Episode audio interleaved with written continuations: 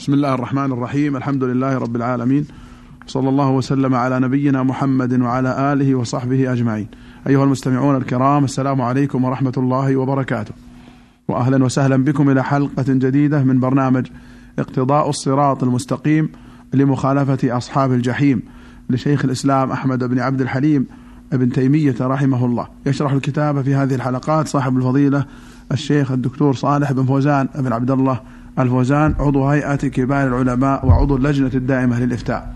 في مطلع لقائنا هذا نرحب بشيخنا الكريم. حياكم الله شيخ صالح. حياكم الله وبارك فيكم. مضى حديث مع المؤلف رحمه الله في المسجد الأقصى. وقفنا عند قوله الأقصى اسم للمسجد كله ولا يسمى هو ولا غير حرما وإنما الحرم بمكة والمدينة خاصة. قال فبنى عمر المصلى الذي في القبلة. ويقال إن تحته درجا كان يصعد منها إلى ما أمام الأقصى فبناه على الدرج حيث لم يصلي أهل الكتاب ولم يصلي عمر ولا المسلمون عند الصخرة ولا تمسحوا بها ولا قبلوها بل يقال إن عمر رضي الله عنه صلى عند محراب داود عليه السلام الخارج. بسم الله الرحمن الرحيم. الحمد لله رب العالمين صلى الله وسلم على نبينا محمد وعلى آله وأصحابه أجمعين. المسجد الأقصى هو أحد المساجد الثلاثة المباركة نعم. التي تشد الرحال ويسافر إليها لأجل الصلاة فيها والعبادة فيها دون غيرها من المساجد. قوله صلى الله عليه وسلم لا تشد الرحال إلا إلى ثلاثة مساجد المسجد الحرام ومسجد هذا والمسجد الأقصى. والله جل وعلا سماه بالأقصى. قال جل وعلا سبحان الذي أسرى بعبده ليلا من المسجد الحرام إلى المسجد الأقصى الذي باركنا حوله. فهو وهذا الاسم الأقصى يشمل المسجد كله. كل المسجد يسمى بالأقصى. وكان اليهود يستقبلون الصخرة التي في المسجد هي قبلتهم ويعظمونها. فلما فتح المسلمون بيت المقدس على عهد عمر رضي الله عنه وجاء رضي الله عنه إلى المسجد الأقصى أمر ببناء أمر ببناء ما يلي الكعبة منه. دون دون الصخرة. دون الصخرة. ما بين الصخرة وما يلي الكعبة. بنى فيه المسجد. فهو قسم من المسجد وغرضه من ذلك تجنب التشبه باليهود في استقبالهم الصخرة. فهذا هو المسجد الأقصى. نعم. أحسن الله إليكم. قال المؤلف رحمه الله وقد ثبت أن عبد الله بن عمر رضي الله عنهما كان إذا أتى بيت المقدس دخل إليه وصلى فيه ولا يقرب الصخرة ولا يأتيها ولا يقرب شيئا من تلك البقاع. وكذلك نقل عن غير واحد من السلف المعتبرين كعمر بن عبد العزيز والأوزاعي وسفيان الثوري وغيرهم. ما كان المسلمون يلتفتون إلى الصخرة ولا يعظمونها. نعم هذا بإجماعهم. فليس لها مزية. نعم. فما هذه البناية المسدسة والمثمن عليها؟ سيأتي سيأتي به قال وذلك أن سائر بقاع المسجد لا مزية لبعضها على بعض إلا ما بناه عمر رضي الله عنه لمصلى المسلمين. وإذا كان المسجد الحرام ومسجد المدينة اللذان هما أفضل من المسجد الأقصى بالإجماع فأحدهما قد ثبت في الصحيح عنه صلى الله عليه وسلم أنه قال صلاة في مسجد هذا خير من ألف صلاة فيما سواه إلا المسجد الحرام. والآخر هو المسجد الذي أوجب الله حجه والطواف فيه وجعله قبلة لعباده المؤمنين. ومع هذا فليس فيهما ما يقبل بالفم ولا يستلم باليد إلا ما جعله الله في الأرض بمنزلة اليمين وهو الحجر الأسود. فكيف يكون في المسجد الأقصى ما يستلم أو يقبل؟ نعم فإذا كان المسجد الحرام الذي هو أفضل المساجد الثلاثة ليس فيه شيء يقبل أو يستلم.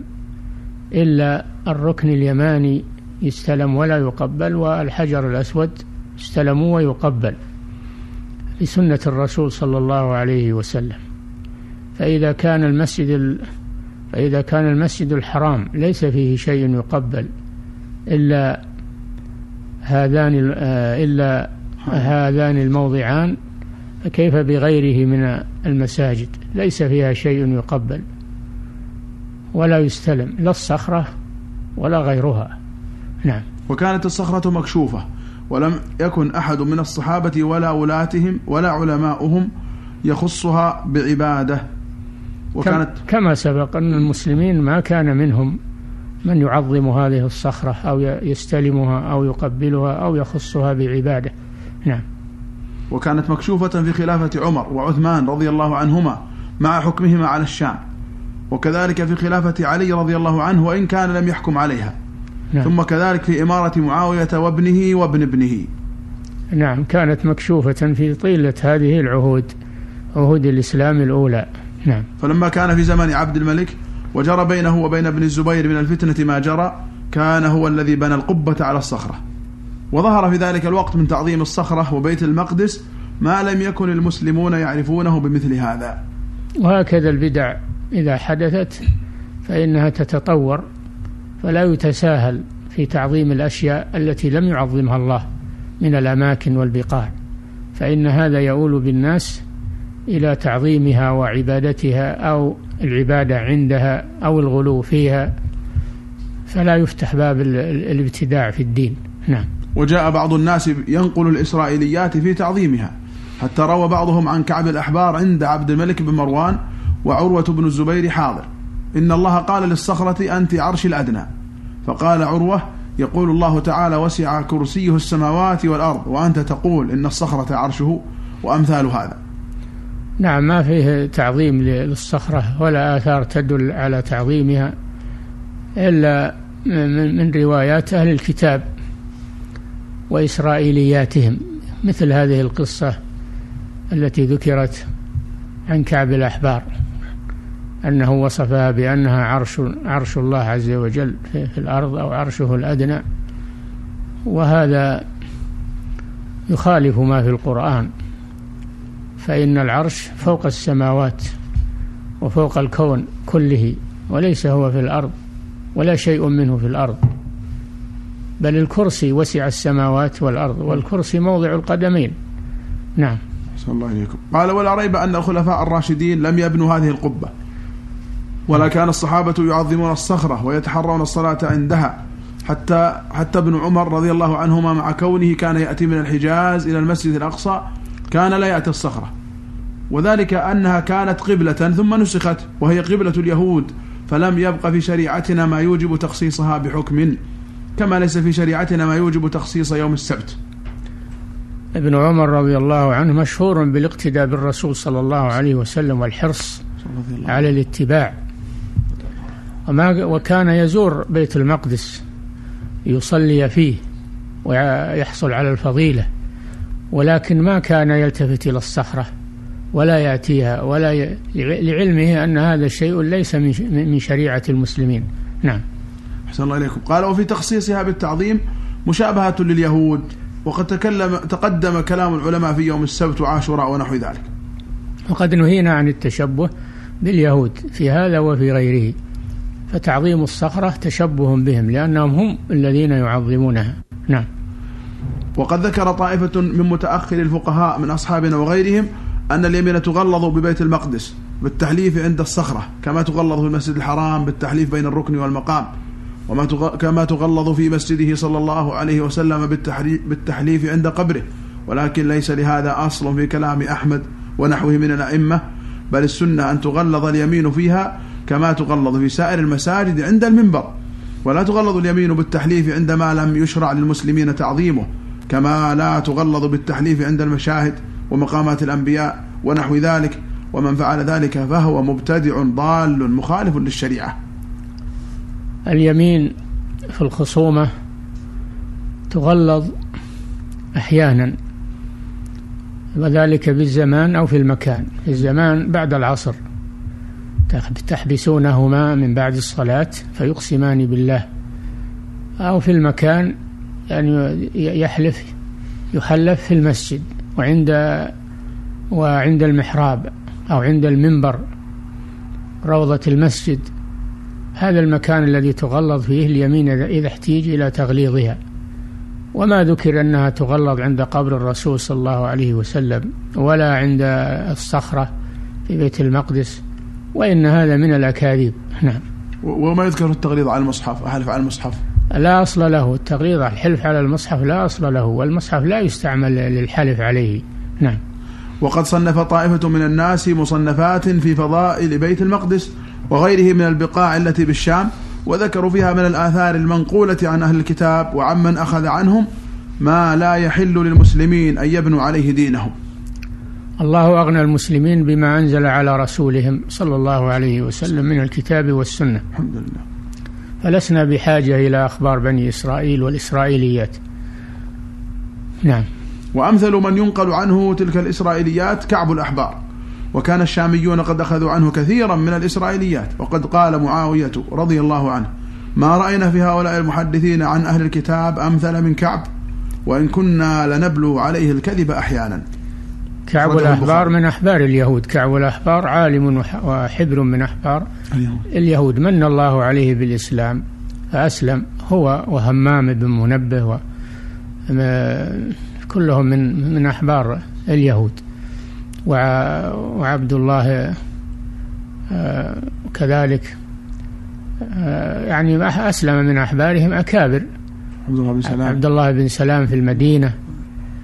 فهو من جملة الأحبار الذين أسلموا دخلوا في الإسلام. ولكن كان يروي من إسرائيليات بني إسرائيل الشيء الكثير وربما يقع في روايته شيء من الكذب. نعم. وقد ثبت في الصحيح عن النبي صلى الله عليه وسلم قال إذا حدثكم أهل الكتاب فلا تصدقوهم ولا تكذبوهم فإما أن يحدثوكم بباطل فتصدقوه وإما أن يحدثوكم بحق فتكذبوه. نعم. فهؤلاء أهل الكتاب ومنهم هؤلاء الأحبار وهب بن منبه وهمام بن منبه وكعب الأحبار. إذا حدثوا عن, عن أهل الكتاب فإننا نتوقف فلا نكذبها لئلا تكون حقا ولا نصدقها لئلا تكون. كذبا. فنحن نتوقف في هذا. نعم. ومن العجب أن هذه الشريعة المحفوظة المحروسة مع هذه الأمة المعصومة التي لا تجتمع على ضلالة إذا حدث بعض أعيان التابعين عن النبي صلى الله عليه وسلم بحديث كعطاء بن أبي رباح والحسن البصري وأبي العالية ونحوهم وهم من خيار علماء المسلمين وأكابر أئمة الدين توقف أهل العلم في مراسيلهم فمنهم من يرد المراسيل مطلقا ومنهم من يقبلها بشروط ومنهم من يميز بين من عادته لا يرسل إلا عن ثقة كسعيد بن المسيب وإبراهيم النخعي ومحمد بن سيرين وبين من عرف عنه أنه قد يرسل عن غير ثقة كأبي العالية والحسن. وهؤلاء ليس بين أحدهم وبين النبي صلى الله عليه وسلم إلا رجل أو رجلان أو ثلاثة مثلا. وأما ما يوجد في كتب المسلمين في هذه الأوقات من الأحاديث التي يذكرها صاحب الكتاب مرسلة فلا يجوز الحكم بصحتها باتفاق أهل العلم إلا أن يعرف أن ذلك من نقل أهل العلم بالحديث الذين لا يحدثون إلا بما صح. كالبخاري في المعلقات التي يجزم فيها بأنها صحيحة عنده وما وقفه كقوله وقد ذكر عن بهز بن حكيم عن أبيه عن جده ونحو ذلك فإنه حسن عنده. قال نعم. رحمه الله هذا وليس تحت أديم السماء بعد القرآن. كتاب أصح من البخاري. نعم امتاز المسلمون بالرواية عن رسول الله صلى الله عليه وسلم والتحري في صدقها وثبوتها بما لا يدع زيادة لمستزيد فعنده من الدقة في الرواية والتمحيص ما هو من عجائب ما أجرى الله سبحانه وأكرم به هذه الأمة حتى أصبحت السنة محفوظة ولله الحمد. وهي تابعة للقرآن فحفظها من حفظ القرآن الذي قال الله جل وعلا فيه إنا نحن نزلنا الذكر وإنا له لحافظون ومما يدلك على عناية المسلمين بهذه السنة الشريفة وحراستها وحمايتها من الدخيل أن العلماء الكبار من التابعين كسعيد بن المسيب و وإبراهيم النخعي وغيرهم إذا حدث عن رسول الله مع جلالة شأنه وقدره في العلم إذا حدث عن رسول الله يسمونه بالمرسل.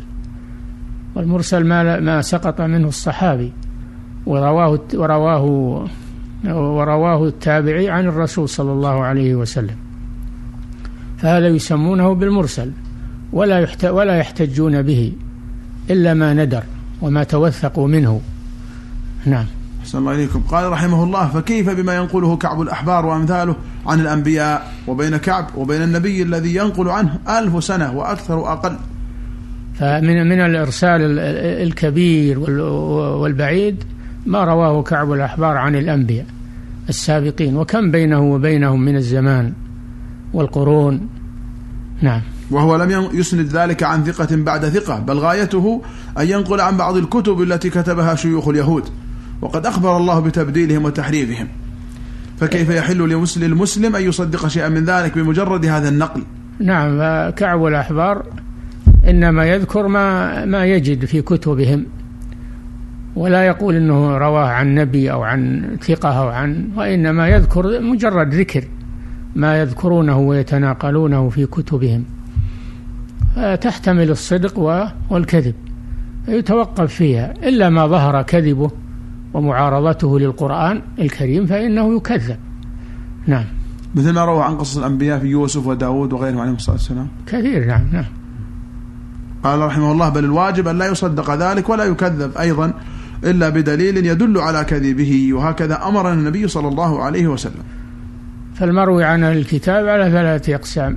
القسم الأول ما جاء تصديقه في كتابنا فهذا نجزم بصدقه. الثاني ما جاء في كتابنا تكذيبه فهذا نجزم بكذبه. الثالث ما لم يرد في كتابنا لا تصديقه ولا تكذيبه فهذا نتوقف فيه. لا نصدقه ولا نكذبه ولكن لا نبني عليه حكما شرعيا. نعم. صلى الله عليكم. قال وفي هذه الإسرائيليات مما هو كذب على الأنبياء أو ما هو منسوخ في شريعتنا ما لا يعلمه إلا الله. نعم. ومعلوم أن أصحاب رسول الله صلى الله عليه وسلم من السابقين الأولين والتابعين لهم بإحسان قد فتحوا البلاد بعد موت النبي صلى الله عليه وسلم وسكنوا بالشام والعراق ومصر وغير هذه الأمصار وهم كانوا أعلم بالدين وأتبع له ممن بعدهم فليس لأحد أن يخالفهم فيما كانوا عليه. فما كان من هذه البقاع لم يعظموه أو لم يقصدوا تخصيصه بصلاة أو دعاء أو نحو ذلك لم يكن لنا أن نخالفهم في ذلك. وإن كان بعض من جاء بعدهم من أهل الفضل والدين فعل ذلك لأن اتباع سبيلهم أولى من اتباع سبيل من خالف سبيلهم. الواجب علينا بعد اتباع الكتاب والسنة أن أن نتبع ما عليه سلف هذه الأمة. وما أجمعت عليه. وأما ما انفرد به بعضهم أو شذ به بعضهم فهذا لا لا نلتفت إليه. نعم. وما من أحد نقل عنه ما يخالف سبيلهم إلا وقد نقل عن غيره. ممن هو أعلم وأفضل منه أنه خالف سبيل هذا المخالف. وهذه جملة جامعة لا يتسع هذا الموضع لتفصيلها. نعم هذا شيء واضح أن أن القدوة بعد الكتاب والسنة بعد رسول الله صلى الله عليه وسلم بعد القرآن الكريم هو ما أجمع عليه سلف هذه الأمة وعلماؤها. فنتبع سبيلهم.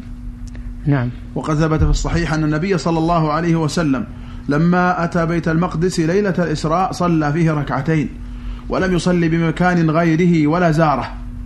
النبي صلى الله عليه وسلم لما أسري به من مكة إلى المسجد الأقصى كما قال الله جل وعلا صلى في المسجد الأقصى ولم يذهب إلى إلى أمكنته ويتجول فيها و... نعم. وحديث المعراج فيه ما هو في الصحيح وفيه ما هو في السنن والمسانيد وفيه ما هو ضعيف وفيه ما هو من الموضوعات المختلقات مثل ما يرويه بعضهم. مثل ما يرويه بعضهم فيها أن النبي صلى الله عليه وسلم قال له جبريل هذا قبر أبيك إبراهيم انزل فصل فيه وهذا بيت لحم مولد أخيك عيسى انزل فصل فيه. وأعجب من ذلك أنه قد روي أنه روي فيه قيل له في المدينة انزل فصل هنا قبل أن يبني مسجده وإنما كان المكان مقبرة للمشركين. والنبي صلى الله عليه وسلم بعد الهجرة إنما نزل هناك لما بركت ناقته هناك. فهذا ونحوه من الكذب المختلق باتفاق أهل المعرفة.